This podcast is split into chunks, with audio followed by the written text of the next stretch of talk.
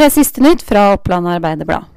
I Gjøvik er det mistanke om at eh, flere utleieboliger er ulovlige. Gjøvik kommune har de siste månedene sendt ut brev til en rekke boligeiere hvor de ber om en redegjørelse.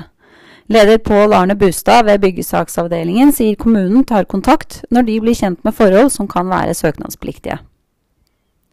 En eh, fersk rapport tyder på manglende ledelse og styring av barnevernstjenesten i Vestre Toten. Tjenesten har vært opptatt av å redde barna framfor å styrke familiene, heter det.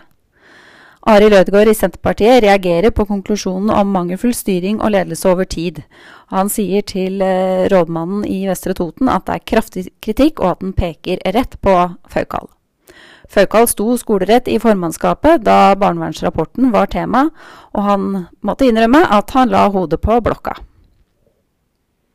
Meteorologene har sendt ut gult farevarsel for torsdag, og det kan komme inntil 15 cm snø i løpet av dagen.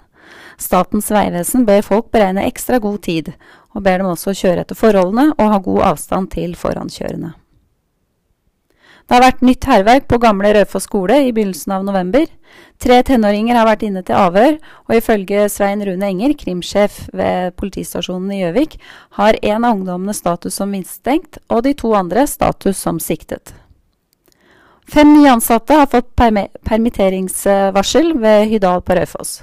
Det betyr at totalt 13 ansatte er blitt permittert fra, fra fabrikken i løpet av en snau måned. Det bekrefter administrerende direktør Vera Flatebø overfor Oppland Arbeiderblad. Hun forklarer de stadige permitteringene ved fabrikken med et økende uro i markedet. Og det var siste nytt fra Oppland Arbeiderblad ved Kristin Stavik Moshagen.